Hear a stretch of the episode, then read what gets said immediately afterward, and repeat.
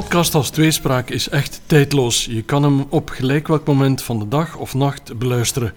Maar wat hij vooral wil doen, is je aan het dromen of aan het denken zetten. Soms met een woord, dan weer een zin of een anekdote. Via tien niet-alledaagse en bovendien nagelnieuwe vragen willen we twee boeiende Vlamingen tot gesprek laten komen. Over het leven, over vallen en opstaan, regenbogen en zonneschijn. Pieter Jan en Steven zijn als vanouds de betrouwbare gidsen onderweg. We openen de nieuwe reeks met twee prille zestigers die geen blad voor de mond nemen als het gaat over dat leven. Marijke Pinois is een gelauwerde en misschien ook gelouterde actrice, moeder van vijf kinderen en een vrouw die wel eens op de barricaden durft te staan. Ideaal voor tweespraak dus. Maar dat geldt evenzeer ook voor Dirk de Wachter. Vlaanderens bekende, bekendste psychiater noemt zichzelf een verdrietdokter, maar roept vooral op om met kleine gelukjes tevreden te zijn en ook de mindere kanten van het leven te omarmen. Niet alles moet leuk en cool zijn. We zijn vereerd Marijke en Dirk vanavond te gast te hebben.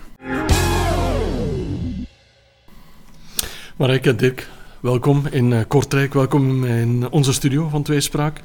De eerste met een volledige nieuwe vraagreeks. De mensen die ons volgen die gaan dat onmiddellijk merken. En we starten ook met een nieuwe openingsvraag. Vroeger stelden we de vraag, kennen jullie elkaar? Dat gaan we nu niet meer doen. We kijken gewoon terug op uh, de dag die voorbij is. We zijn vandaag donderdag 2 september. Marijke, hoe, hoe kijk jij terug op deze dag? um, stressie. ja, ik, ik vond het wel een mooie dag ook. Anderzijds, omdat ik ben opgestaan. Ik heb mijn zoon Titus opgeroepen. Ik heb ontbeten alleen, want Titus lag weer te lang in zijn bed. Ik heb hem gemobiliseerd om een beetje nog in de tuin met de bosmaaier bezig te zijn. En ik heb een taart gebakken, mhm. omdat ik dacht, ik kom naar Kortrijk, misschien, ik zal zien hoe laat dat is, dat ik nog eens bij mijn mama terecht kan. Die woont aan de Franse grens. En met de covid-periode heeft ze zich wel... Uh, zij zelf beweert dat ze zich niet eenzaam heeft gevoeld, maar ik voel zelf wel, als ze met mijn verjaardag kwam, dat ze echt een... Ehm, ja, ze is 88 geworden. En ik voelde echt dat haar communicatie en de drang om te connecteren, dat dat, dat, dat echt moeilijker ligt. En daardoor haar korte termijn denken wel ja, een beetje fragieler is geworden. En het eerste wat ik haar zei, zet je recht mama, want je bent nog niet oud. En ze zei, ah ja, ik heb dat wel gemist, dat jij zo streng bent op mijn houding. Maar, dus dat was, uh, ja, Tegelijkertijd was stressy omdat ik ehm, normaal gezien veel vroeger een Zoom-gesprek had met mensen van Mosul, mhm. van Irak. Ik heb samen met um, Milo Rauw een productie gedaan een paar jaar geleden rond Orestes. En wij zijn daar gaan filmen en we gaan terug een poging doen samen met UNESCO om daar ook nu vooral geënt op de jongeren, hun interesses en wij zijn dienstbaar. Maar het was heel laat, dus ik moest mij heel erg haasten om hier te geraken. Voilà. Oké, maar het is toch gelukt, dus uh, welkom. Wel, ja, ja anders zaten we Voilà, voilà. In elk geval, heel erg bedankt voor de alle moeite die je gedaan hebt. En dat mogen we even goed tegen Dirk zeggen, want je hebt drie uur gereden om hier te geraken. Ik kom van de andere kant van de Brusselse ring, ja. Dat is heel frustrerend. maar het is gelukt, het is gelukt. Eens dat we er dan zijn, zijn we content. Mm. Voilà. En hoe was jouw dag, Dirk? Wel, dit is de tweede podcast vandaag. Het is een beetje gek natuurlijk, hè? maar vanmorgen bij mij thuis was Hanna Verboom. Dat is een Nederlandse dame, een actrice trouwens, ah, die uh, uh, ja, een podcast, maar net was met beelden ook. Hoe heet dat dan? Een vlogcast? Een vlogcast. Vlogcast, ah ja.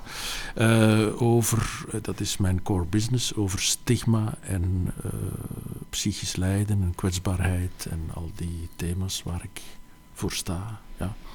Dus, uh, en daarna ben ik naar het ziekenhuis gegaan, moest ik ook nog werken. Ik, eh, mensen vergeten dat, dat ik ook werk. Tussen boeken en, en praatjes door. Ja. Ziek patiënten en, en zo van die dingen. En ook een sector die sowieso ook nooit stilstaat, denk ik. Uh, nee, nee, nee, die altijd... er is veel druk. Ik zei het daarnet, heeft u het druk? Dat weet ik niet, maar er is veel druk. We staan onder grote druk. Hmm. Er is heel veel vraag naar onze hulp. Zo. Ja. ja. En dan moeten jullie hier op tijd geraken natuurlijk voor zo'n podcast. Er is een uur afgesproken en dan zit je in de wagen en dan gaat de stress toenemen natuurlijk. En de eerste vraag die wij jullie, de eerste vraag die we jullie graag voorleggen is: wat is eigenlijk de beste manier voor jullie om met stress om te gaan? Hoe onthaast jij? Hoe heb jij dat gedaan in de autorit naar hier bijvoorbeeld, Marijke? um, het is wat het is. Gedacht. Tegelijkertijd schuilt er altijd ergens een uh, duiveltje of een engeltje of whatever op mijn schouders uh, of achter mij, die mij schuld en boete aanpraat. Ik ben nogal iemand die heel graag risico's neemt, dus ik dacht, ik geraak er wel net op tijd. En dan gebeurt er iets. Dus het is heel dubbel bij mij. Hoe ontstress ik uh, los van die auto? Want mijn auto, ik betreed die niet meer zoveel. Mijn zonen gebruiken die om, uh, om hun muziekinstrumenten te vervoeren. Mm -hmm. um, ja, hoe ontstress ik mij? Ik heb uh, het geluk dat ik achter mijn tuin... Ik woon een beetje buiten Gent. Ik heb daar bewust voor gekozen om allerlei redenen. Gent is veel te duur om nog iets te kopen. Mm. Jaren geleden was dat ook al zo. Maar ik heb veel kinderen, dus ik wou ze toch kennis laten maken, ondanks het milieu, de milieuproblematiek met de koeien, met de natuur. Met uh, ja, een beetje toch de plaats, echt letterlijk plaats hebben. En een uh, boomkweker, die ondertussen al 90 is geworden, die heeft daar achter mijn deur van een weiland, een heel groot stuk weiland, heeft hij een visvijver gemaakt. Maar hij heeft dat laten uitgraven, hij heeft daar ontzettend veel tijd in gestopt, want dat, dat was zijn pensioen. En ik uh, ben geprivilegeerd, ik mag daar gaan zwemmen. Ik voel mij dan een beetje de witte van Zichem. Um, het is heel modderig, maar er zitten heel veel vissen in. Ik vind, ik, ik vind dit fantastisch. En het is echt zo'n terrein. Ik ben al in Thailand gaan trekken met mijn kinderen een aantal jaar terug. En het is echt een beetje Thailand zo. Dus uh, dat doe ik als ik kan, als ik niet aan het werk ben. Maar ik ben gewoon van met stress om te gaan. Mijn lichaam heeft op een of andere rare manier die adrenalinestoot nodig. Mm -hmm. En ik kan dan ook niet werken als ik dit niet weet dat dit gaat komen. Dat mijn lichaam dit gaat aanmaken. Dat is heel gek. Um, dus ja, ik ben eigenlijk wel gewoon om met stress om te gaan. Denk ik. Maar ik doe dat niet altijd goed. Hè. Dirk, ben je het gewoon om met stress om te gaan of heb je daar toch een andere visie op? Nee, ik sluit daar nogal bij aan. Ik, ben ook, ik heb ook wel wat stress nodig om om ja, bezig te zijn. Ik, ik, hou wel van een beetje stress in, in de zin van uitdagende toestanden. Zo. Maar de, de beste manier om te ontstressen is om thuis te komen, zeg ik altijd. Ik kom heel graag thuis, thuis waar mijn kinderen zijn groot, zijn niet meer thuis. Dus thuis ben ik met mijn vrouw en heb ik muziek en boeken en alles wat, wat een mens kan, kan leuk vinden. Mijn huis staat wel in de stad, dus ik heb geen vijver en zo, dat heb ik niet. Gewoon thuiskomen is erg belangrijk. Ja. ja. Maar nu naar hier komen was ook een beetje stressy zo. Hè. Ik dacht van zelfs ben ik weer te laat. Ik ben ik weet niet hoe vroeg vertrokken ben ik weer te laat. En in de auto luister ik graag naar Clara. Ik luisterde heel graag de voorbije dertig jaar naar Bart Stouten, mm -hmm. die gisteren afscheid heeft genomen. Ja, maar hij zou terugkomen, heb ik gelezen. Ik heb het ook gelezen, ja. ja maar zo, ja, gewoon wat, wat muziek. En, ik denk dan ook in, in de auto, denk ik dan ook na. Ik denk dan na over het leven en zo. Echt waar. Ja. Dus, uh, ça va, ça va, ja. Ja, ik, ik, heb een druk bestaan en iedereen zegt dan, houdt dat, dat vol en zo. Dan denk ik, ja, dat is va. Ik, doe, ik heb geen speciale technieken. Nee. Eigenlijk. Maar dus zonder stress zou het ook moeilijk leven dat zijn? denk ik wel, ja. ja. Dat denk ik wel. Ja, zeker. Ja, ja, het is een paradox eigenlijk. Ja. Mm. En iets onderschatten? Ik zou me heel erg opjagen als ik niks te doen had. Of ik ook. Hm. Ik, Zo verloren. Ik heb graag uh, een engagement, zo. ik heb graag uh, iets, iets om voor te gaan, mm. of, of hoe moet je dat zeggen? Ja, want, dat, ja. want dat zei je ook, in Marijk. Ik heb die adrenaline echt wel nodig. Ja, ik zit uh, heel veel onderweg. En meestal, als ik voor theater moet werken in Frankrijk of in Zwitserland of whatever, dan ehm, de laatste tijd heb ik heel veel in Frankrijk gewerkt. Dan neem ik sowieso de treinen. Treinen zijn duur, vind ik. Internationaal vooral. Mhm. Maar ik heb dan de luxe dat theater betaalt. En met COVID had ik ook een goede reden om eens te vragen: mag ik in eerste klasse reizen? Want het is, ik, ik was echt bang in het begin. Ik was nog niet gevaccineerd en we kregen heel veel testen en ons beroep was heel afhankelijk Mhm. om werk te Tuurlijk. hebben of niet. Begrijpelijk, ja.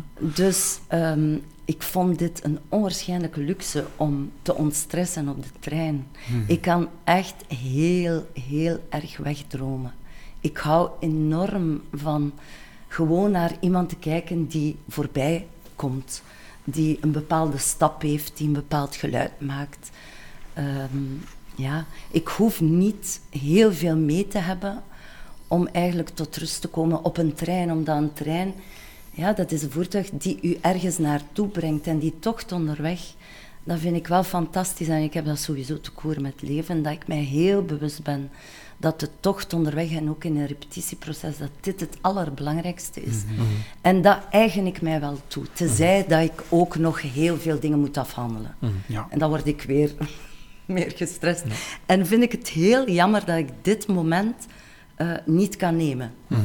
Het is een soort letterlijk en figuurlijk onderweg zijn, denk ik. Oh ja, ja. oh ja. Maar het lijken me op zich ook kleine momenten die je eigenlijk gelukkig maken dan. Ja, Eh, ja, ja. oké. ik heb veel kleine momenten die mij gelukkig maken. En dan heb je ons eigenlijk ook mooi, Marijke, tot onze eerste vraag gebracht. Ah, ja. En die is net de vraag, welke kleine gelukjes, gelukjes liever, maak je intens blij? Je hebt al eentje verklapt, maar zijn er nog van die gelukjes dat je zegt van, eigenlijk is dat iets... Maar voor mij is dat een groot geluk, hè? Ja. Op de trein. Allee, ik bedoel, ik, ik, Ik bedoel, het is ik een... wil dat niet in, Nee. bakjes gaan nee, plaatsen. nee, maar het is wel een, een, klein, een klein moment, ik zal het zo zeggen, maar het is voor jou. Hè. Eh, ja. Ja. Zijn er zo nog, dat je zegt van, eigenlijk is dat voor mij iets klein of groot? Mhm. Dat jou intens of, laten we zeggen, mooi gelukkig maakt? Klein, hè? Mhm. Dat is. ik maak wel een onderscheid. Dat is mijn eh, was uithangen. En erin slagen om die was toch binnen te halen binnen de paar dagen. Niet beregend. Dat ik die terug in mijn wasmachine moet steken. Dat is een heel prettig gevoel als ik mijn was ophang.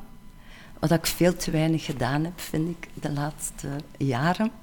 Ik vind dat een intens moment was zien wapperen. En dat ook ophangen, ik meen het. Ik kan dat ook aan mijn zonen uitleggen hoe je op een correcte manier, wat dat, dat dan wil zeggen, want dat bestaat niet, eh, was kunt ophangen.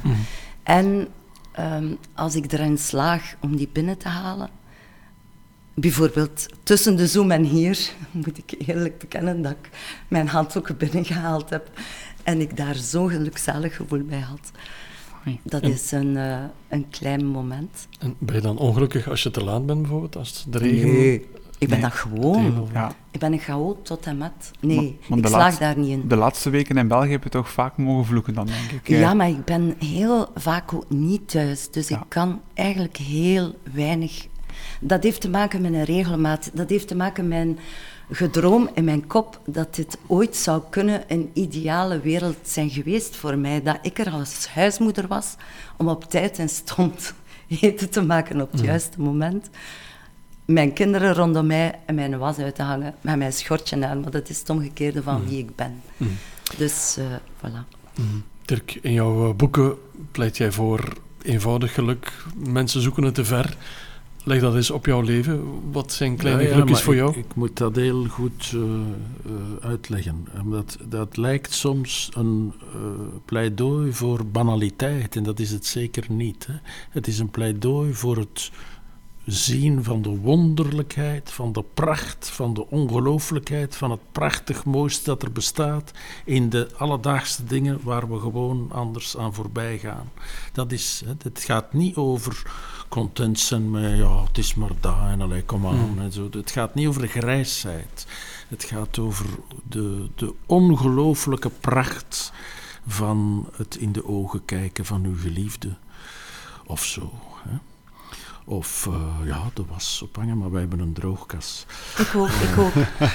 ja, ik ook. Kan ook of, mooi zijn. Maar, maar dus het, gaat over, het, het gaat over aandachtig zijn ook. Voor, mm. Het gaat over minder slordig leven, mm. eigenlijk. Uh, ja, voilà. Hè. En mag dat eens concreet? Je hebt genoemd uh, kijken in de ogen van je geliefde. Ja, daar gaat niks boven natuurlijk. Hè. Absoluut. Maar er zijn waarschijnlijk nog meer dingen die je verwondering uh, opwekken. Wel, ik kan heel veel deugd hebben van het lezen van een prachtige poëtische zin, bijvoorbeeld. Ja. Hè? Zo, zo een zin. Of van een stuk muziek dat ik hoor. Dat, dat, dat soort zaken. Of van dat is dan misschien voor sommige mensen wat minder gewoon, maar als ik, ik was deze vakantie in Parijs en in Parijs op een terras zitten en gewoon naar de mensen kijken. Dat is van het meest paradijselijke dat er kan bestaan eigenlijk, ja. ja. Vind je dat de mensen op vandaag Dirk, ook te weinig stilstaan? Dat vind ik, ja, tuurlijk, daar schrijf ik over. Hè. Ik vind dat het lijkt alsof dat, dat van jongs af aan trouwens, dat, dat, dat we uh, ons brein met grote impulsen willen stimuleren, waardoor dat de kleine, eenvoudige, gewone dingen niet meer aan bod komen. Dat we moeten bungee springen om nog eens iets te voelen, zo, ja. bij wijze van spreken. Mhm. Terwijl, ja, zet u gewoon op een stoel en kijk waar rond en uh, zie hoe prachtig dat dat kan zijn. Ja. Ja, en het is dus geen pleidooi voor een, voor een grijs bestaan, maar het is maar dat, je moet content zijn, het is maar dat. Dat is het absoluut niet. Ik ben een romanticus. Hè. Ik pleit voor de pracht van het leven in al zijn volheid. Mhm. Maar die pracht is niet noodzakelijk te vinden aan de andere kant van de wereld. Mhm. Die is ook in uw eigen hof. Zo. Ja, of bij de vijver. Ja, natuurlijk. Ja, ja. Of lang tafelen. Als ik een vijver Met heel veel ja, tuurlijk, mensen, met vrienden. Die, Zoals nu, dat heeft ons heel erg on ontbroken. ontbroken. Absoluut, ja. Tuurlijk Hoe komt het dat zoveel mensen die weg kwijt zijn, denk je?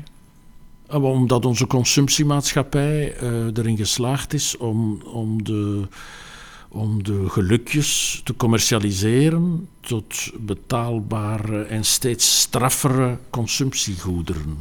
Dat is nu straf uitgedrukt, maar ik denk dat het daarmee te maken heeft. Ja. Maar we krijgen ook minder en minder de kans om stil te staan bij ons eigen geluk. Want we die, moeten die altijd... kans moeten pakken. Hè? Ja. Ik bedoel, ja, het grootste kleine geluk is niet te betalen. Hè? Mhm. Het in de ogen van uw geliefde, dat moet niet, oh, koop dan toch niet, niet betalen. Hè? Ja. ik heb gisteren een uitzending op Canvas gezien. Over, uh, nee, het was VRT van Lieve Blankaart in verband met uh, uh, vanuit Tokio.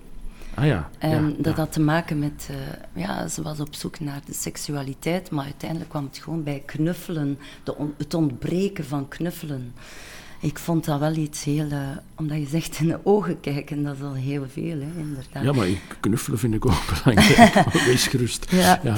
Nee, maar ik heb uh, vijf jaar samengewoond met Japanse die nu terug naar Tokio is. En die verbaasde zich altijd aan onze hier aan onze Europese gewoontes en mhm. zo. Maar die was uh, daar heel erg mee bezig ook, met mhm. die kleine dingen.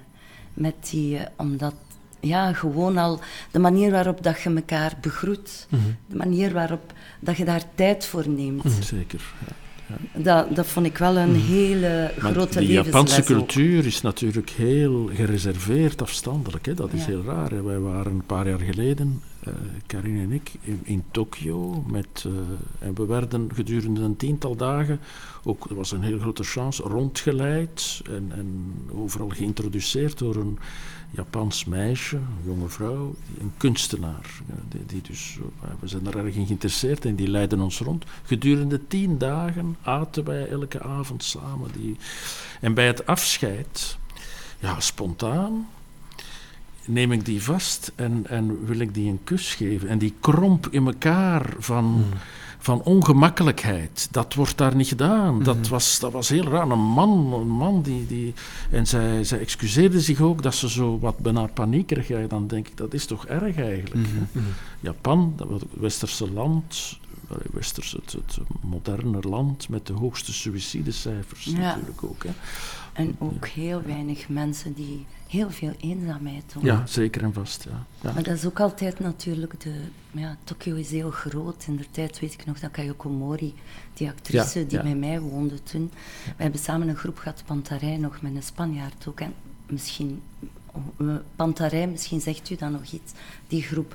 En we hebben veel gereisd, maar Kayoko, die... die ja, ehm, die zei toen al dat eh, heel veel studenten zich prostitueerden, gewoon om... Om nog eens te voelen. Ik weet het niet, misschien is het ook dit. Maar ook om, omdat ze zo... Ja, ik weet het niet, op een of andere manier, die cultuur, dat heeft zo'n extreme ook. En die extreme zo, ja. zullen elkaar ook ergens beïnvloeden om het op, harder ik vind het ook fantastische cultuur. Hè. Ja. Ik heb daar rondgelopen. Ik heb nog nooit zo ongelooflijk goed gegeten als, als daar Ja. bijvoorbeeld. Hè. En Ja. architectuur en, en ook van fantastisch land ook. Hè. Ja, Allee, ik wil dat nu niet... Nee, nee, maar- helemaal. Ja, Want, maar want de, de coronacrisis heeft er toch voor gezorgd dat er een beetje afstand is eh, gegroeid tussen mensen. We geven ge- elkaar bijvoorbeeld geen hand meer bij de begroeting en zo. Komen die dingen terug? Of, of wat denken jullie? Wat mij betreft moet dat terugkomen. Absoluut, hè? Als sommige experten zeggen, ik hoop nu dat dat niet gaat terugkomen, dat we elkaar nu geen handen meer gaan geven, dat vind ik heel erg. Ik vind een hand geven iets heel belangrijk eigenlijk. Ook voor mijn patiënten, als mensen binnenkomen in een consultatie, ook mensen die ik niet ken, die een, een handdruk geven bij wijze van begroeting. En ook als ze terug buiten gaan, na een soms heel moeilijk gesprek met veel verdriet en met veel ja, met veel miserie en zo. Een hand geven om, om, om een aanraking is echt heel wezenlijk, vind ik. En ik hoop dat dat terugkomt. Ja, ik denk dat ook wel. Dat kan er zomaar niet uit, denk ik. Hè. En elkaar vastpakken zo. En niet alleen uw geliefde, maar ook een, ook een vreemde mens die je niet Ja. kent. De handdruk is eigenlijk vooral voor een vreemde mens. Hè. Dat, dat, dat komt toch uit een traditie van ik geef u een hand, want ik ben niet gewapend. Hè? Ik, ik, ga u niet, ik ga u niks doen, ik geef u een hand.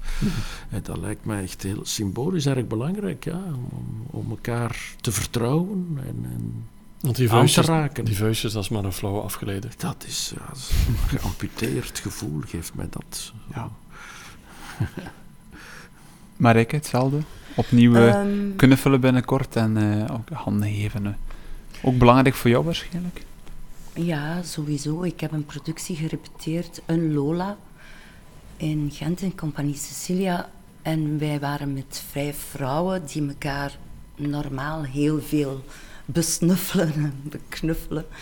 En wij hebben dat echt met een afstand moeten doen. En dit is een heel merkwaardige repetitieperiode geweest, vind ik. Omdat dit net ontbrak. Want ja, ik denk wel dat ik toch mag spreken over het milieu waarin dat ik zit, dat wij elkaar heel gemakkelijk wel eh, betasten. Wij warmen op. Als het een fysiek stuk is, in de tijd deed ik dat heel veel met pantarij, omdat dat heel fysiek was. Eh, dan dan eh, gaven wij massages aan elkaar. Wij, wij vonden dit evident om elkaar zweet ook te ruiken. En binnen die afgeleide context dan en zo wel. Hè. Je hebt een vertrouwen, maar je, zei dat gewoon om dat ook op te zoeken binnen ons vak. Dit hoort er nu eenmaal bij. Dus ja, maar een hand geven heeft bij mij nu in alle eerlijkheid niet die connotatie van eh, mij op mijn gemak voelen. In alle eerlijkheid mis ik dit niet echt. Want een hand geven, ja, maar ik mis wel het contact, laat het duidelijk zijn. Of dat het nu een hand geven is of in een andere cultuur iets anders, maakt mij niet uit. Eh, dat fysieke contact miste ik. Ja. En mis ik eigenlijk nog altijd, want met mijn kinderen heb ik dat heel lang ook niet evident gedaan, omdat mijn dochter daar ook heel erg schrik van had. En mijn kleinkinderen heb ik direct beslist, los van alles. Dit zal ik, zullen ze mij niet kunnen ontnemen, want ik ben zelf heel voorzichtig. Ik vind het heel belangrijk om voorzichtig te zijn en verantwoordelijkheid te nemen daarin. Maar mijn kleinkinderen neem ik vast. Dit kan niet anders. Ik kan niet zeggen, nee, blijf van mij. Dit gaat gewoon niet als grootmoeder, vind ik. Mooi moment, ontroerend moment, zeg maar, eh Marijke, wat je hier vertelt. En dat brengt ons bij onze volgende vraag. Ook een nieuwe vraag voor onze mensen die ons eh, trouw volgen. Wie of wat kan jou diep ontroeren? Dirk, als we die vraag nu eens aan jou zouden voorleggen. Wel, eh, ik kan onmiddellijk aansluiten, maar sinds elf maanden ben ik tot het grootouderlijke uh, het status uh, Rijkdom. Doorgedrongen. Nee, dank u wel. Het is het meest ongelooflijke dat er bestaat. Dat wist ik al en dat heb ik nu ondervonden. Het is nog straffer als dat ik durf dromen. We hebben dat kindje een, onmiddellijk in onze bubbel opgenomen, zodanig dat aanraking evident was. Dus ik herken het helemaal. En dat is, eh, ja, het zal wel ook zijn omdat het het eerste is. Het is ook de dochter van mijn dochter. Dat is ook zo, denk ik, iets belangrijk. Dat is, eh, ik bedoel, nek plus ultra. Daar, daar gaat niks boven. Dat is... eh, dat ik, dat is echt, dat is fantastisch. Ja, dat is fantastisch. Ik, eh, voilà, ik kan... eh, En dat is ook wel toch een voorbeeld van, van de wonderlijkheid van de doodgewonigheid. Hè? Want iedereen, enfin, of heel veel mensen hebben kinderen over heel de wereld.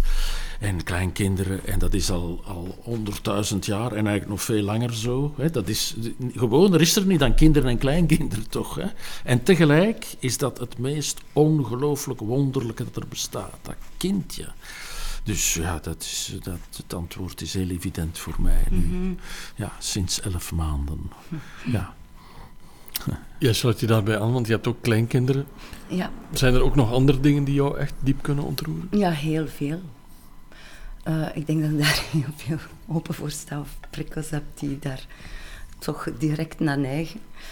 Misschien is dat een overlevingstactiek, wie weet. Ik vind het dagdagelijkse leven soms niet evident. Ehm, ja, gewoon ook eh, een manifestatie. Dat kan mij heel erg ontroeren. Dat eh, jonge mensen, heel diverse mensen, voor één bepaald thema die hen heel erg raakt, fundamenteel zich zorgen makend, dat, dat we samen op straat komen. Ik heb dat al gedaan van als ik heel jong was en ik blijf dat gewoon doen. En het heeft ook wel te maken met dat ik dat waarschijnlijk soms nodig heb om te voelen dat we als groep, binnen al onze individualiteit weliswaar, dat we daar toch samen zijn om iets duidelijk te maken. En dat we dat niet kunnen doen via social media en noem maar op. Dat verder moet gaan, fysiek aanwezig zijn in groep. Dat ontroert mij. En eh, ja, ook een, ja, een kunstwerk. Dat kan mij ook heel erg diep ontroeren. Ik ben een aantal jaar terug naar eh, ja, de Biennale van Venetië geweest. Ehm, en ik was daar met mijn drie jongste zonen. En het huisje van België, zal ik maar zeggen, het paviljoen, was helemaal in het begin deze keer. En dat was een werk van Berline de Bruik. Zeker, ik ben er ook geweest. Ja, en ik ben daar zo lang binnen geweest. Mijn zonen hadden al... Ik, ik weet niet qua tijd, want de, het was een tijdservaring. Het was geen kloktijd. Ik weet niet hoe lang dat ik daar binnen gezeten heb, maar ik heb daar alles zien passeren wat mij beroerde. Door gewoon die omzwachteling van die takken. Tuurlijk, ja. Door dat werk van ook de schriftuur van Coetzee. Daarbij alle grote verhalen van mensen die op de vlucht zijn. Alle kleine verhalen, al mijn eigen pijn die ik in ja, het leven al heb meegemaakt. En soms met mijn mee, alleen nog altijd met mijn meedraging. Kleine kwetsuurtjes ook. Hele, alles is daar gepasseerd. De revue van mijn leven is daar gepasseerd. En mijn zonen komen zo binnen. Wat zit jij eigenlijk? Wat Die takken, mama, die takken. doen? Wat is dat hier? Ja. Net niet. Maar eh, ik zei, ik, heb, ik wil niets meer bekijken vandaag. Ah ja, oké. Niets ja. meer. Ik heb het gehad. Ik heb, ja. Eh, ja, en dat heb ik zelden, moet ik zeggen. Want ik ben nogal een veelvraat. Ehm, ja, dit kan mij... heel- ja, dat, dat- dat is zo. Is dat door dat werk? Is dat door plaatstijd en handeling dat dat net allemaal toevallig of niet toevallig samenkomt? Ik weet het niet. Dat mijn kinderen daar rondliepen. Dat ik terugkwam van mijn oudste dochter met haar... Met haar dochter, had dan nog geen zoontje. Ja, Maar je bent dus wel iemand die echt, als ik het zo hoor, in the moment leeft. Die echt op dat moment, op dat moment zelf beseft waar je bent, waar je ziet, waar je opneemt. Je hebt ook veel mensen die achteraf pas, als ze dan thuis zijn of op hotel, beseffen wat ze pas gezien hebben. Je bent dan iemand die op het moment zelf echt die ontroering beleeft, als ik het zo Ah ja, hoor. ja, ja, ja, Ja. Ik ga dat echt aan. Die heel bewust die ontroering beleeft. Goh, bewust, ja, het overkomt mij Ja. en ik laat dat toe. Mhm. Ik laat dat gewoon toe. Ja, ik vind het wel straf dat je zegt, ik heb het allemaal gezien. Ik vind dat wel mooi, dat je iets ziet dat je zegt, hetgeen dat je dan nog gaat zien, is misschien iets, die, allee, iets dat niet overstijgt. Ah, maar ik ben een beetje te radicaal daarin, denk ik. Ik denk, dit is nu zo... Dit, dit is zo onwaarschijnlijk, ik kan dat niet beschrijven of zoiets. En ja, in het leven, gelukkig, komt er nu en dan nog zo'n dingen tegen. Mhm. Maar in het nu is dat voor mij het ultieme dan. Ja. Je bent ook iemand die af en toe op de barricade staat. Dat heb je daarnet Mhm. ook eh, laten vallen. Hè. Eh, heb je het gevoel dat jouw engagement sterker wordt naarmate je levenswijsheid toeneemt? Oei. Eh, mijn- er zijn twee vragen, vind ik. Ja, mijn engagement sterker wordt, ehm, dat zou ik niet durven zeggen. Dat is ehm, een onderliggend iets waar ik sowieso ehm, alert voor ben dat dit er, eh, denk ik, nodig is om dat, dat het nodig is om connectie te maken met een groter verhaal. Ik ga al beginnen in het West-Vlaams te babbelen. Ehm, maar eh, het is eh, eh, de, de levenswijsheid daar. dat is zoiets moeilijk, vind ik, want ik vind mij niet levenswijs of zo. Ik leef iedere dag met vallen en opstaan en soms vind ik dat lastig. eh, het besef dat ik mij zo als een kleine van 15 nog voel, die niets weet, die alleen maar meer vragen stelt. En dat heb ik wel. En ik denk dat dat iets is met ouder worden, meer vragen stellen. Maar als reactie daarop, misschien, dat weet ik niet, eh, ben ik wel iemand die eh, moet handelen. Ik ben zo niet goed in een denker.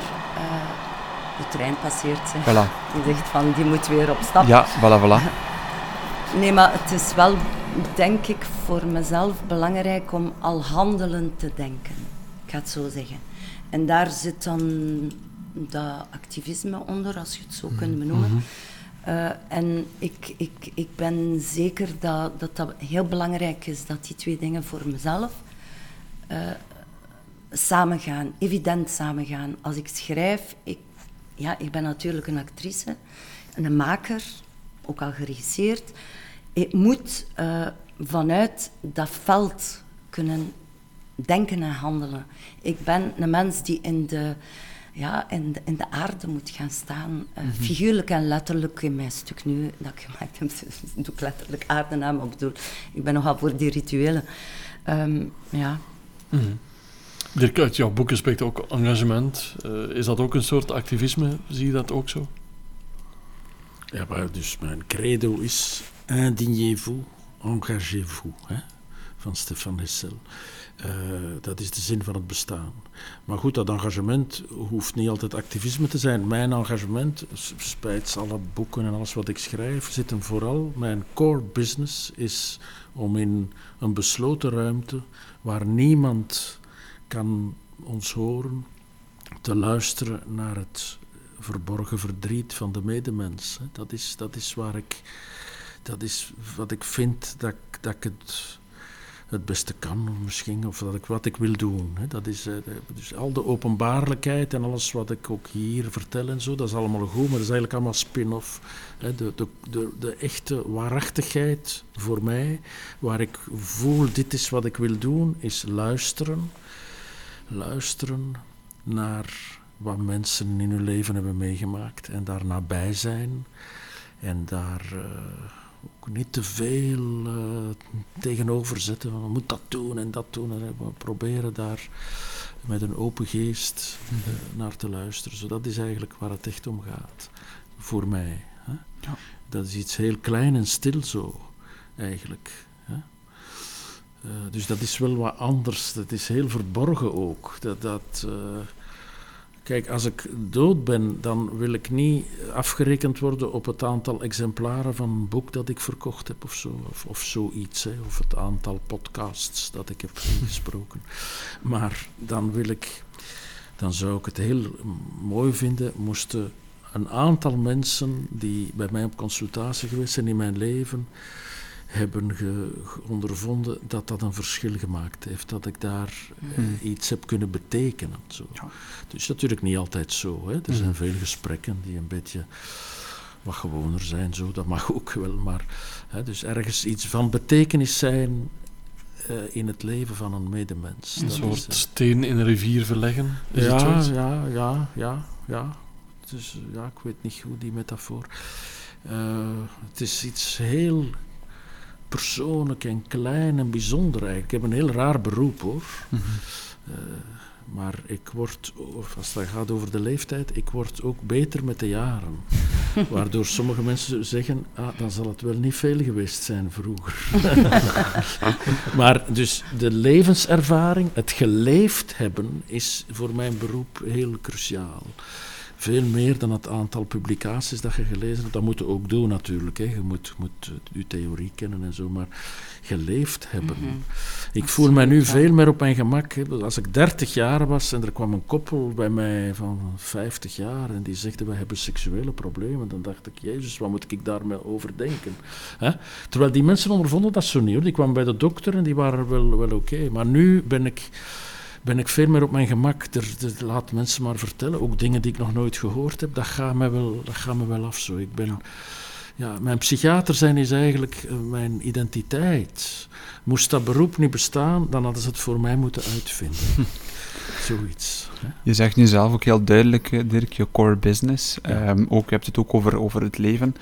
Misschien een belangrijke vraag wel, maar als je nu zelf vergelijkt op vandaag, 2021, en we spoelen tien jaar terug bijvoorbeeld. Wat is er tien jaar geleden, of wat is er nu veranderd dat misschien tien jaar geleden nog niet of minder zo was? Zijn er een aantal dingen dat je nu aan denkt, dat je zegt van eigenlijk is dat wel de laatste jaren maar naar boven gekomen? Ja, mijn kinderen zijn het huis uit. Hè. Dat is een belangrijk eh, verschil eigenlijk. Ik heb nu het gevoel, maar het is een beetje raar, een beetje raar om te zeggen, hè, maar ik heb nu het gevoel, het is echt raar, dat ik wel zou kunnen sterven. Ik leef heel graag. Ik wil graag nog ouder worden dan uw moeder.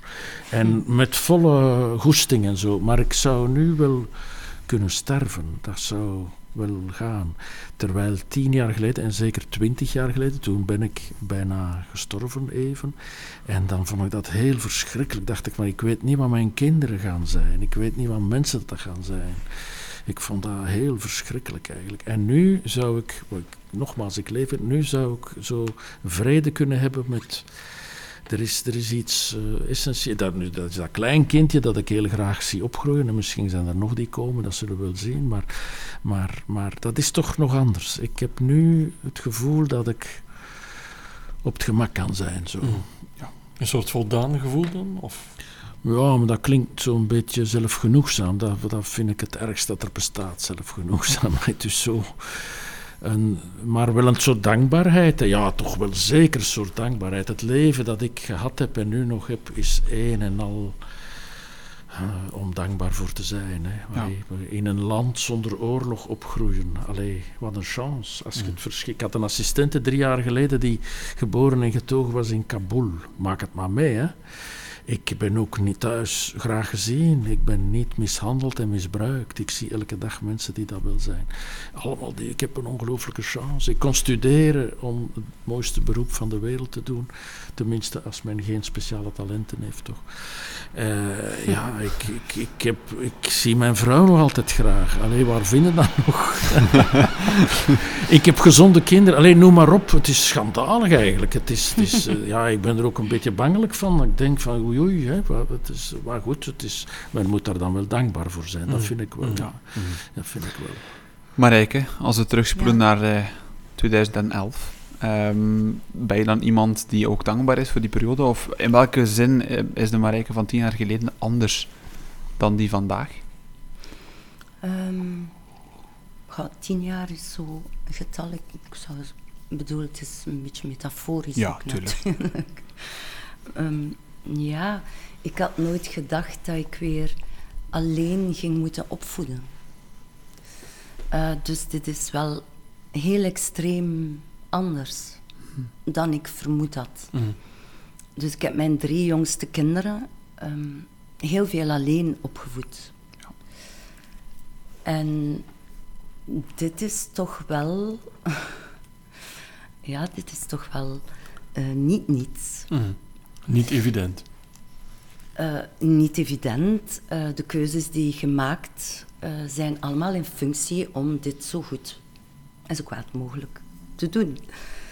Dat is eigenlijk geen goede uitspraak. Goed en zo kwaad. Want zo kwaad maar hoort er misschien bij ook. Dat je soms kwaad bent. onvermijdelijk. Hè? Onvermijdelijk. Ja, ja. Onvermijdelijke. Maar ik heb daar echt zo intens ook van genoten, van die tocht. Mijn twee oudsten waren al ouder. Mijn drie jongsten, dit is natuurlijk een eenoudergezin, dat, mm. is, uh, dat is iets kwetsbaarder. Dus ik heb, ben mij daar gelukkig heel bewust van geweest. En ik heb vanaf het begin heel veel vrienden rond mij geschaard. Vrienden die ook een surrogaat ouderschap zouden kunnen nu en dan vervullen, al is het maar op een feest. Uh, muziek maken, uh, samen koken, samen zijn, verbondenheid met elkaar. We zijn niet alleen, mm. vrienden maken, noem maar op. Ik heb van mijn huis, ik denk dat dat mijn persoonlijkheid wel is, maar ik heb van mijn huis een heel open huis proberen te maken. Mijn kinderen, de helft van mijn huis is eigenlijk nu, en dat vind ik niet meer zo leuk, nu een veredeld, een heel mooi huis. Iedereen komt binnen, paradijselijk, dit en dat. Niet van de chiquigheid, maar wel van wat dat gevoel dat we gebouwd hebben samen. Mhm. De contacten die we samen maken. Want daarover, mhm. ja, dat is een huis, een mhm. thuis, denk ik, de functie ervan. En mijn kinderen helft van thuis is repetitieruimte. De, de, bureau ben ik kwijt, want daar hebben ze toch ook moeten een livestream doen. De enige jazzgroep dan. Uh, mijn zoon eh, Titus heeft heel veel ruimte. Ik heb een heel klein kamertje die uitkijkt. Dat ik echt zei, dat is een meisjeskamer, want ik zat met mijn boys. Dat is ook al voor een helft ingenomen van mijn kleinkinderen. Het is weliswaar gevaarlijk. Maar bedoel, um, dit is mijn leven geweest. En uh, zowel mijn zijn op een scène, als mijn zijn als onderzoeker in het leven, als mijn zijn als mama en als uh, met opstaan en vallen en noem maar op, um, heeft mij wel ge gebracht, denk ik, tot wat ik nu doe en denk. En dat is wel, ja, dat is wel stevig. Mm -hmm.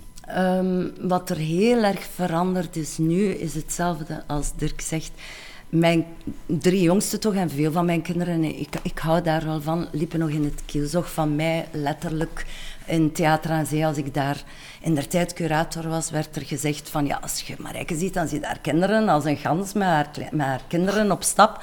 En dit leven was wel, hoe raar dat ook is, was ook wel vrij uh, helder. Mm. Um, ik bepaalde heel veel omdat ik de tools moest uitreiken naar de kinderen toe. En dat was op een of andere manier wel helder en overzichtelijk. En ik heb een zoon die een spectrum van autisme heeft.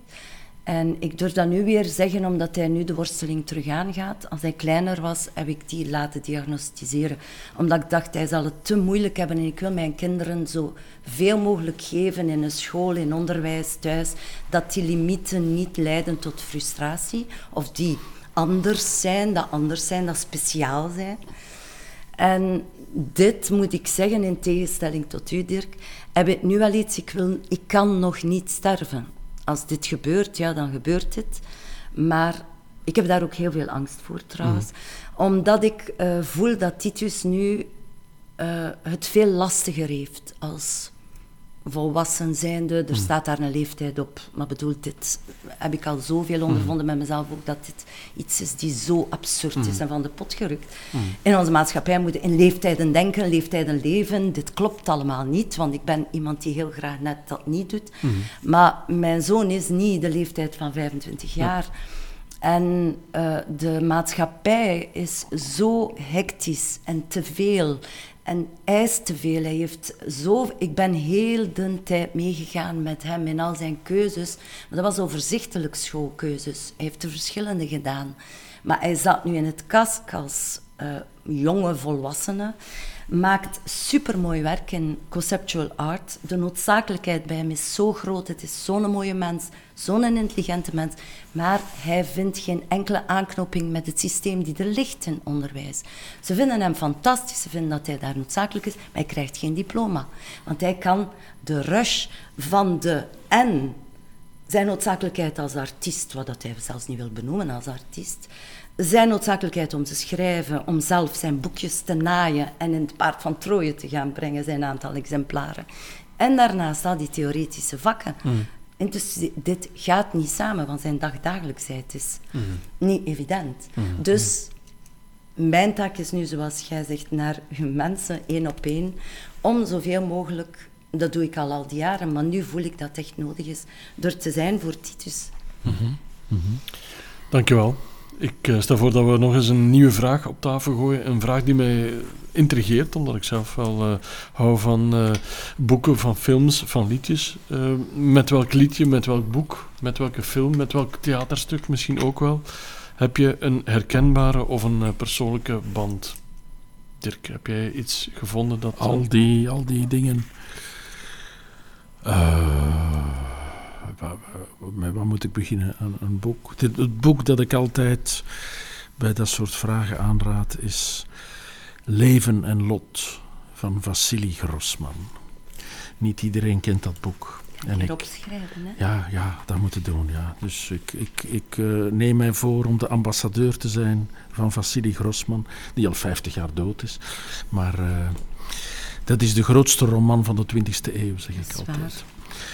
De, de, oorlog en vrede van de 20e eeuw. Het gaat over de slag bij Stalingrad hè, in de Tweede Wereldoorlog. De Russen tegenover de Duitsers. Maar het gaat over alles. Het gaat over leven en lot. Het is een uh, ongelooflijk boek. En ik vind het ook ongelooflijk omdat in het midden van het boek gaat over mensen in een concentratiekamp. Een man die gaat vermoord worden. Maar die spreekt dan over uh, het kleine goede La Petite Bonté, wat in de filosofie van Emmanuel Levinas, waar ik veel naar refereer, de Franse filosoof Levinas, ook wordt uitgewerkt in Totalité Infinie enzovoort. Dus dat, maar in een roman, in een grote roman, het is een, een grote Russische roman in de traditie van van Dostoevsky en, en, en, Tolstoy en, en, Thomas Mann en, en noem maar op. Hè. Uh, dat werkt dan nog straffer eigenlijk. Zo. Uh, dus, dus ja, dat, is het boek wat ik uh, naar het onbewoonde eiland zou meenemen, om dat zo te zeggen. Dat, mm. en heb je dat ook met een liedje, met een film, met een theater? Ik heb dat met van alles, want ik word erg geraakt door dingen. Ik word tot tranen toe bewogen van van alles eigenlijk. Uh, in muziek is dat, dat heb ik ook al vaak verteld natuurlijk, maar dat is de muziek van Johann Sebastian Bach. Hè, die mij ja, op een of andere manier uh, komt dat erg. Het is die harmonie of zo moet dat zijn, maar dat komt los tot in mijn ruggenmerg of zo. dat, dat ja, dus ja, voilà. Ja. En in de hedendaagse muziek is, dat heb ik vanuit mijn jeugdjaren meegenomen en nooit meer losgelaten. Uh, en dat is dan vooral, uh, denk ik, van, het is van alles, maar de stem die daar erg werkt, is de, het werk. Sinds mijn puberteit is dat mijn compaan, mijn compagnon de route, is Leonard Cohen. Mm -hmm. ja. Dit, uh, ja, dat, dat, kijk, dat blijft, dat blijft. Ja. Dat, ik, ja. Ondanks het feit dat hij met zijn vier maar, maal vier uh, de privileges mag genieten bij de, bij de zen-boeddhisten. Ja, maar natuurlijk, ja. het is ook een... Kijk, er is die film uh, geweest... Nee, ik maak een... Ik maak een ja. Er is natuurlijk de mens en de artiest. Ja, maar, ja, maar ook, het is heel juist, nee, er is een film geweest uh, met Marianne, Leonard en Marianne. Mm -hmm over het eiland Hydra, waar ze dan in de jaren zestig uh, in, in een soort communeachtige sfeer resideerden. Ja. Hè. Ik ben natuurlijk een post-68 maar eh, als jonge mens keek ik wel erg op naar die periode. En ik dacht van die vrijheid enzovoort. Nu, ik heb met Michel Houellebecq al ondervonden dat er grote nadelen aan die tijd geweest zijn. Maar je ziet dat in die documentaire van Cohen ook. Hè. Die mensen gebruikten allemaal drugs, verwaarloosden hun kinderen, zijn allemaal complete dieprikking gegaan. Verschrikkelijk. Hè. Al die kinderen hebben zich, van, van al die families daar, die documentaire toont dat verschrikkelijk, hebben zich gesuicideerd of zijn in, ernstige psychiatrische problemen uh, verzeild geraakt. Ja, ja, ja, maar de figuur van Cohen uh, heeft heel wat kanten. Hè? Met, uh, zeker en vast. A Woman's Man, als het over Me Too gaat, dan denk ik, gaat hij ook niet vrij uit. Maar goed, ondanks al die zaken. Nee, ik. Als ik de stem hoor, uh, like a bird, dan word ik helemaal. Oh, hè, dat is, ja, ik kan er niet aan doen. Het is wat dat is, ja, voilà. Maar ook, het, het, gaat niet alleen over zijn stem, en zijn, het gaat ook over die Bijbelse taal. Die taal mm. vind ik heel bijzonder eigenlijk. En dan de, het ongelooflijk eenzame dat hij uitstraalt. Zo van die dingen allemaal, mm. ja. Enfin, ik kan, kan nog veel voorbeelden geven. En zo hebben we Dirk de Wachter eens horen zingen. voilà, voilà. Fantastisch, mooi. Wat een mooie stem. Marijke, heb jij het, uh, hetzelfde met een, met een boek, met een film, met een theaterstuk, met een, met een liedje? Ja, ik heb natuurlijk uh, de chance ook dat ik heel veel mag lezen voor mijn beroep. Tegelijkertijd um, kan ik de, de keuzes niet altijd zelf bepalen. Betalen. uh, betalen wel, denk ik. Betalen. Ja. Um, maar ik, uh, ja, Faulkner, Absalon, Absalon is ook zo'n werk. Wat dat je zegt dan. Leven en lot. Uh, dat is ook een geschiedenis, het zuiden van de Verenigde Staten. Um, Faulkner, een hele grote schrijver, mm. die echt een familiedrama vertelt, maar binnen een heel groot verhaal van ja, uh, wit uh, macho gedrag, egocentrisme, racisme. de slavernij zit daar nog bij en daarbinnen krijg je heel veel um, verschillende verhalen op een heel atypische manier ge, gebordeerd. Je moet het twee keer lezen, dat heel dik werk om het te kunnen verstaan, vind ik. Ik heb het twee keer gelezen. Uh, ik moest ermee aan het werk gaan in, um, in Parijs. Uiteindelijk voor theater hebben we dan toch een Thomas Bernhard teruggenomen, omdat het nog te groot en te veel tijd in beslag nam. Maar een fantastisch werk ook aan iedereen aan te raden die durft meegaan met de ontologica, bijna hoe dat uh, boek is geconstrueerd. Het is uh, heel verwonderlijk dat dat door één persoon is geschreven in een leven. En die personages zijn allemaal vanuit hun point of view kun je eigenlijk reconstrueren, maar het is zo onlogisch, allez, zoals we gewoon zouden willen zijn om mm. luie lezer als ik ook soms ben en graag ben. Maar het is zo fantastisch om in die wereld te stappen, omdat je zo groot... Ja, je krijgt zoveel uh, te, te, te verwerken. En je krijgt een tijdloos uh, verhaal. Als je het nu leest, kom, heel de geschiedenis komt terug op een andere manier verteld. Het is heel bijbels ook van proporties ik hoorde u dat zeggen, ja, ik ben daar ook heel erg verslaafd aan als er... Ja, die bijbelse proporties, dat, dat leidt toch tot een ander soort van voelen en mhm. denken en zien en kijken naar die personages, omdat dat bigger than life is. En die vertellen in monologen. En die vertellen altijd een nieuw detail of een ander detail dat je zelf moet meeconstrueren. Het is een fantastisch werk. Mm -hmm. um, ik had jou toch eens vragen, want jij bent natuurlijk actrice. Met welk theaterstuk heb jij een zeker band? Of, of aan welk theaterstuk heb je zelf de mooiste herinnering? Ah, misschien kan ik vertellen over wat ik nu ga spelen volgende week. Graag. Dat is een stuk dat ik vorig jaar, ik, uh, met de COVID, in de eerste periode, ik, was in, ik ben gastdocent in het, de School of Arts in, in Gent, in het KASK voor drama.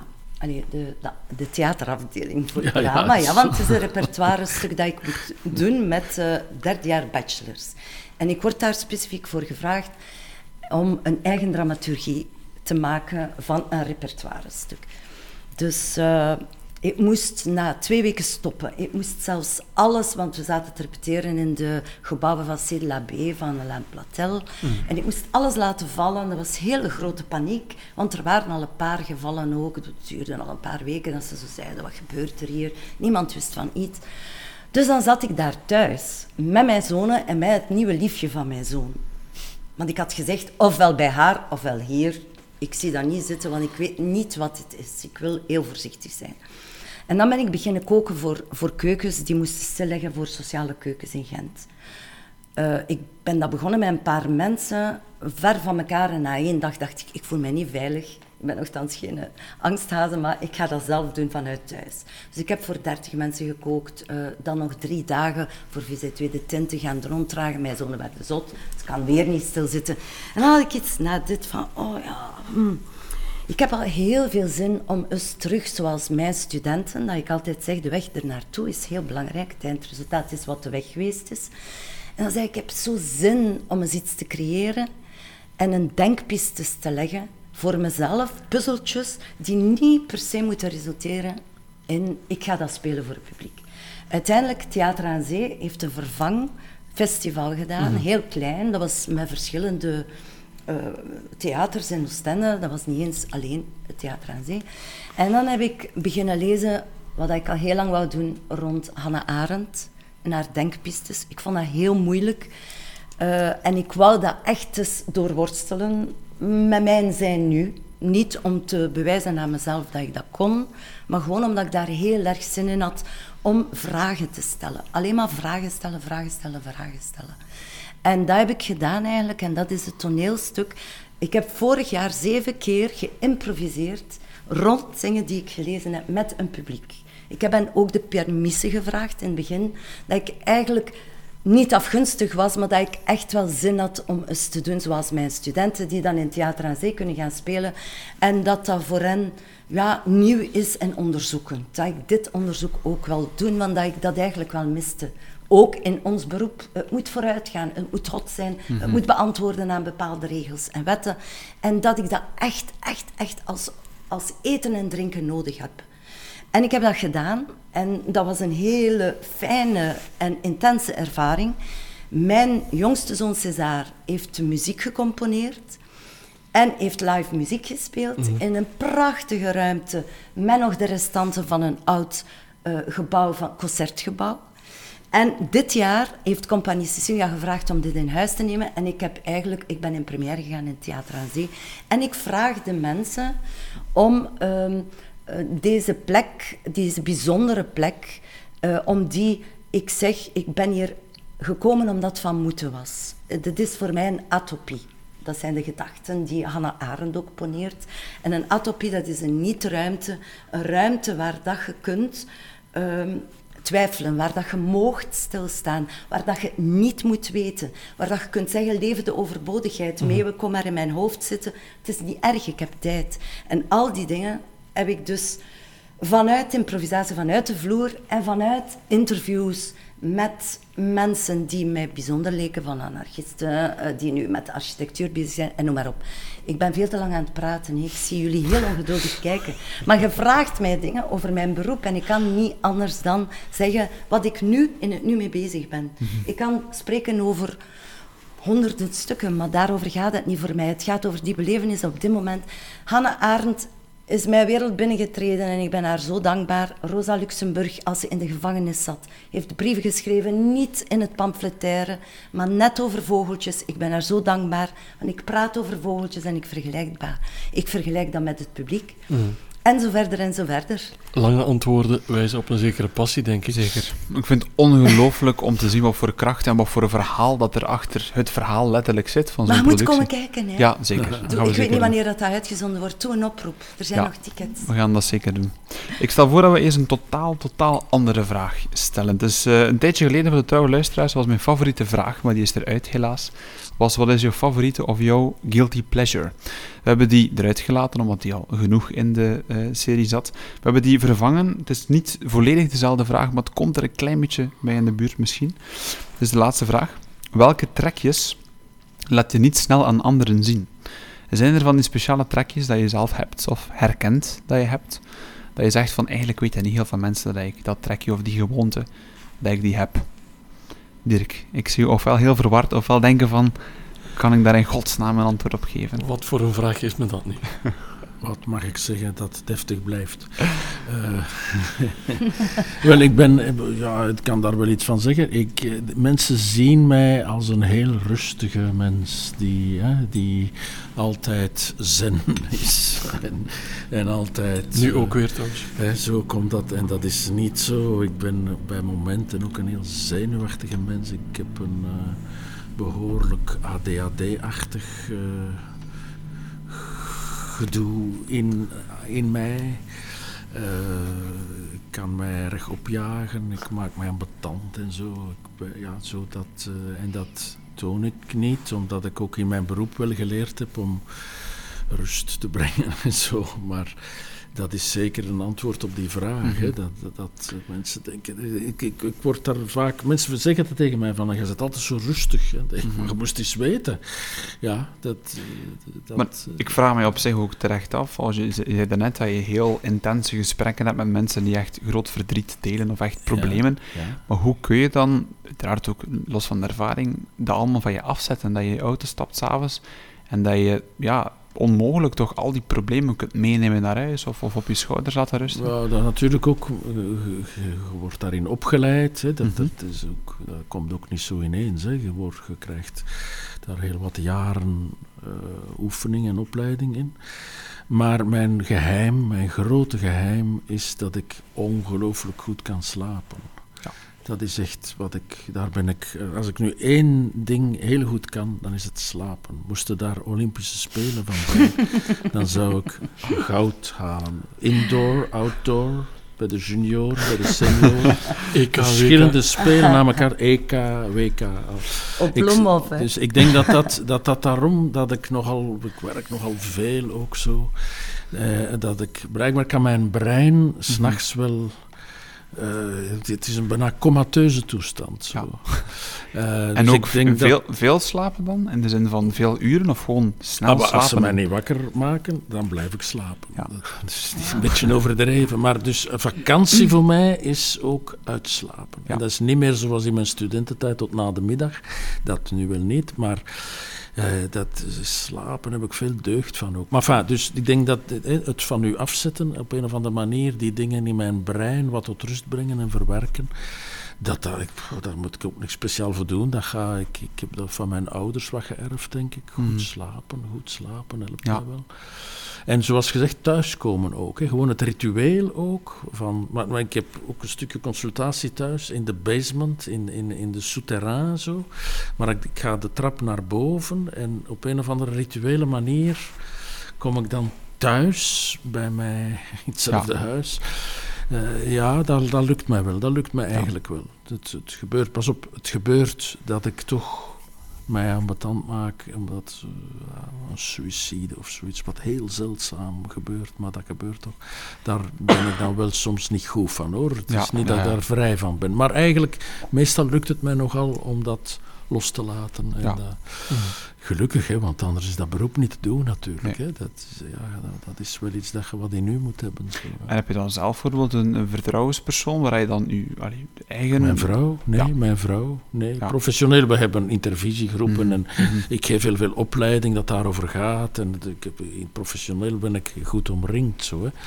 Maar als het echt over heel persoonlijk, dan is er mijn vrouw eigenlijk. Mijn vrouw is huisarts, dus die is ook wel in de zorg. Mijn vrouw eigenlijk, mm. ik kan dat alleen maar zo zeggen. Ja, mm. ja, ja. Marijke, we gaan de vraag ook eens aan jou stellen. Welke trekjes uh, laat je niet snel aan andere mensen zien? Hmm. Veel. ja, noem, noem er eens maar een paar. Ik moet, dus, ik moet dus kort antwoorden. Hè. nee, uitgebreid mag ook. Um, mijn uh, donkere kant melancholie. Dat heb ik van mijn vader. Mm, mijn uh, zachte kant. -huh. Een beetje onbestaand. Uh, grijs. Zo, ja. van niemand ziet mij en ik vind dat heel fijn. Mm, Je bedoelt ergens anoniem aanwezig zijn en jij kijkt naar de buitenwereld, zoiets. ja, eh, maar, maar, maar ik ben vrij anoniem aanwezig overal, denk ik. Kan dat. Alhoewel, mensen die met mij werken gaan nu heel erg moeten lachen als ze dat zouden horen. Dat ik zo weg kan kruipen. Maar jawel, jawel. ehm, ik vind dat heel belangrijk. eh, en dat kan ik inderdaad ook alleen maar als ik alleen ben. Maar ik ben ook graag alleen. Tegelijkertijd, ehm, ja, ik hoor hier zoveel fijne dingen zeggen over een relatie. En ik moet eerlijk zeggen dat ik daarmee heel veel geworsteld heb. Ik ben daar niet zo goed in geweest, denk ik. Maar ik heb daardoor vijf prachtige kinderen. Maar ja, zo alleen alleen zijn en je kinderen opvoeden en thuis heel veel, en heel veel beslissingen nemen, dat maakt mij soms ehm, eh, dat ik het gevoel heb dat mijn schoudertjes heel veel moeten dragen. En dat ik, ehm, ja, wat ik echt dus zou willen doen, is met mensen gaan praten. Ik vind het nu eigenlijk iedere keer opnieuw over mezelf. Ik vind het iedere keer opnieuw van, kom aan, je hebt en geen geld daarvoor, want er zijn heel veel... Ik zou dat kunnen, een prioriteit stellen. Maar er zijn heel veel dingen die ik nog te doen heb en die zeer belangrijk zijn in mijn persoonlijk leven en omgeving. Ik heb zoveel kansen om mijn demonen kwijt te zijn en te botvieren en helend effect te hebben in mijn job. Dit is zo. Maar tegelijkertijd om eens in te zoomen, stilte, dat is voor mij wel iets eh, primordiaals waar dat ik, ja, waar, waar dat ik denk ik wel heel veel behoefte aan heb. Maar ik dit niet neem. Rustpunten. En waarom, waarom doe je dat dan niet als je dat nu zo Ja. klaar zegt voor jezelf? Ja, omdat ik eh, tegelijkertijd ook heel, heel ja, dankbaar ben om alles wat ik in beweging meemaak. Het is heel eh, contradictorisch natuurlijk. Maar, maar zo zitten mensen ook in elkaar. Je wilt, te, je wilt te veel in beweging zijn. Maar, eh, Ja, ja, ik ben heel eh, hongerig naar... Maar niet spectaculaire dingen, hè. Maar ik vind wel dat ik... Ja, in vergelijking met heel veel mensen van mijn leeftijd heel veel mag meemaken ook. En ik trigger dat waarschijnlijk wel om dit mee te maken, denk ik. Mai. Dus, eh, dus een, ik vind het een heel breed antwoord, maar eh, Te lang? nee. Zeg maar, moet wel knippen, hè. Nee, we gaan niet Nee, want ik haat het dat ik te veel, iedere keer opnieuw. Ik weet nog dat ik dacht, oh, maar wat ben ik bevoorrecht dat ik met Dirk de Wachter dit gesprek mag voeren. Ik luister zo graag naar u, ik lees u graag, ik vind u... En ik kom hier en ik begin weer bla bla bla. En dit is wat dat ik echt soms wil afleren. Maar Hou eerlijk- eerlijk- muilen, Eerlijk denk is ik eerlijk, dan. Pieter Jan en ik hebben jullie niet zo vaak onderbroken, net omdat wij ook heel graag naar jullie luisteren, Voilà. denk ik. Dus we gaan niet knippen, Marijke. Please. We hebben eigenlijk als timekeeper, moet ik ook de tijd een beetje in de gaten houden, we hebben nog tijd voor één vraag. Dus we hebben ze niet allemaal gesteld, onze luisteraars. We nee. moeten blijven luisteren om de resterende drie vragen dan te horen. Ja, we gaan eh, eindigen met een, een lichtzinnige vraag, denk ik. Niet te zwaar op de hand, maar toch een, leuk einde, denk ik. Waar mogen we jou s'nachts voor wakker maken? Dirk niet, denk ik. Ah, nee, ik, heb, ja, ik, niet, Slaapt- ik ben niet wakker altijd- te krijgen. Slaapt altijd door. Ik eh, ben, Maar stel dat we toch een uitzondering maken daarop. als het huis in brand staat, graag wel wakker gemaakt te worden, zodanig dat ik niet gebraden kan weggaan. Ja, ik weet niet, ik weet niet wat ik anders moet zeggen. Eh, verder wil ik graag... Ik zal dat eens zeggen, ik wil graag wakker blijven, wel voor heel veel plezante dingen. Ik ben ook een, eigenlijk een beetje een eh, avond, een zeg maar nachtmens. Hè, dus eh, laat blijven babbelen met vrienden. Eh, mijn, vakantie eh, dit jaar was in Parijs. Ik had een huis met een tuin in het centrum van Parijs. Ongelooflijk. Ja. Ik had een grote doos met 70 boeken bij.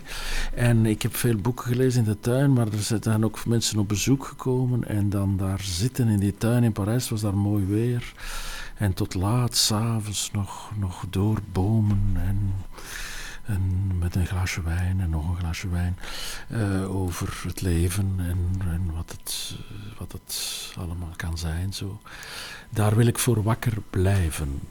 Maar als ik dan ga slapen, dan moeten ze mij toch niet meer wakker maken.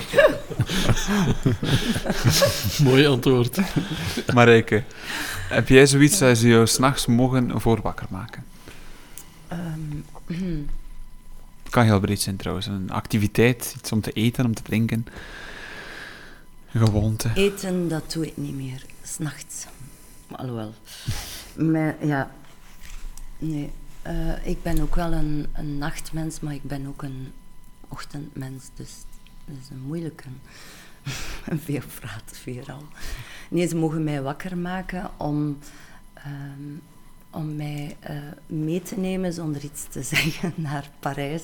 Ah, ja, ja, maar- Want ik vertoef daar veel, maar altijd voor het werk. En ik zou, dat is voor mij, de, dat blijft zo, alhoewel de realiteit anders is voor veel Parisiaans.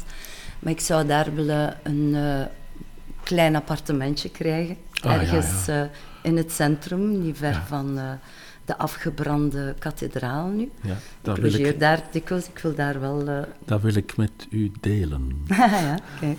Ja. Elke verdiep je zo. Ja. Ehm, ze mogen mij wakker maken om ook eh, wat mijn droom is, en dat, dat leunt dan aan bij dromen. Slapen hopelijk. Ehm, ik zou heel graag, dat is, dat is zo mijn meisjesdroom, om zelf een film te ontwikkelen. Een eh, roadmovie, waar ik alle plekken kan doen voor mijn werk. Want daar droom ik altijd van, om die dingen te koppelen aan elkaar, omdat dit mijn overlevingstactiek is geworden in het leven dat ik leid, waar ik de mogelijkheden voor heb. Ik, ik spit die echt uit, denk ik, ten gronde.